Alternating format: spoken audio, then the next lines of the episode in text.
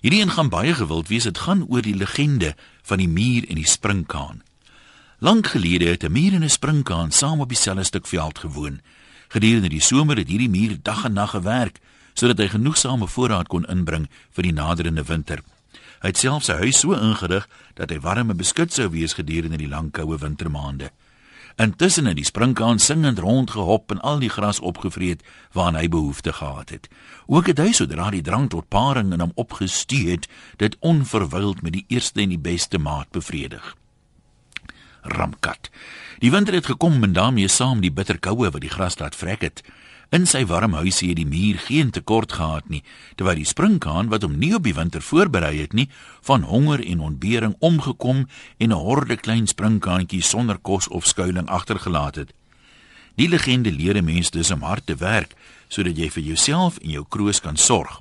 Maar daar's 'n Suid-Afrikaanse weergawe. Die eerste deel van die storie is dieselfde, maar omdat dit in Suid-Afrika afspeel, eindig dit nie daar nie.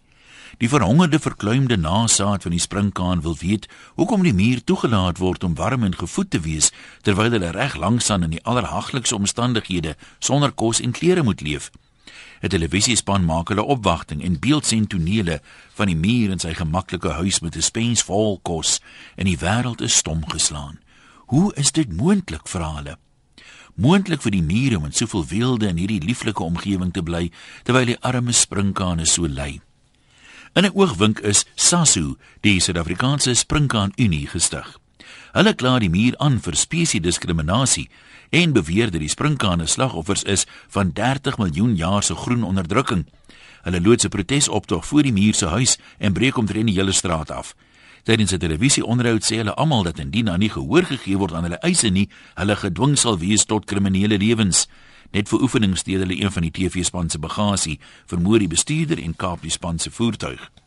Die GHK, die Gryp en Herverdeel Kommissie, regverdig hierdie gedrag deur te sê dat dit die nalatenskap is van die muur se diskriminasie teenoor en onderdrukking van die sprinkane. Hulle eis dat die muur die sprinkane om verskoning vra vir alles wat hulle hulle aangedoen het en dat hulle die sprinkane vergoed vir alles wat nog ooit hierdie geskiedenis heen aan 'n sprinkaan gedoen is. Gatsak, dit is die goedaardiges teen springkaan afknouing en kastyding, verklaar dat hulle 'n heilige oorlog teen mure begin. Die president verskyn by 8 uur nuus en sê dat hy alles in sy vermoë gaan doen vir die springkane. Die springkane wat hulle verdiende welvaart ontneem is deur diegene wat onregmatig bevoordeel is gedurende die somer. Die regering plaas EFA die ekonomiese egalisasie van agtergeblewenes op die wetboeke terugwerkend tot in die begin van die somer. Die muur word beboet omdat hy nie genoegsaam groen insekte in sy diens het nie en omdat hy niks oor het om sy agterstallige belasting mee te betaal nie, vat die staat sy huis vir herverdeling.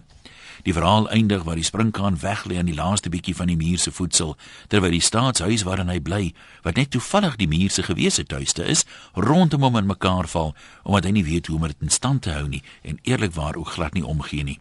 Op die TV wat hy en 'n paar vriende van 'n ander muur gesteel het, sien die springkaan die president voor 'n klomp wilde dansende en luid singende springkane staan en aankondig dat 'n nuwe era van gelykheid aangebreek het. Intussen word die muur nie toegelaat om te werk nie, want hy is histories deur die veld bevoordeel. In sy plek is 10 springkane aangestel, drie in baie senior posisies met byvoordele om die gras in te samel vir die winter.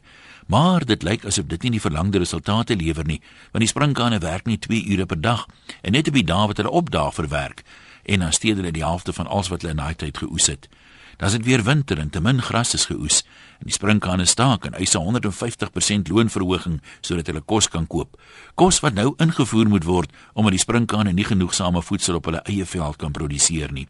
Die muur pak sy tassies en emigreer na 'n ander veld waar hy 'n hoogs suksesvolle voedselmaatskappy begin en 'n miljonair word deur kos uit te voer na sy ou veld toe.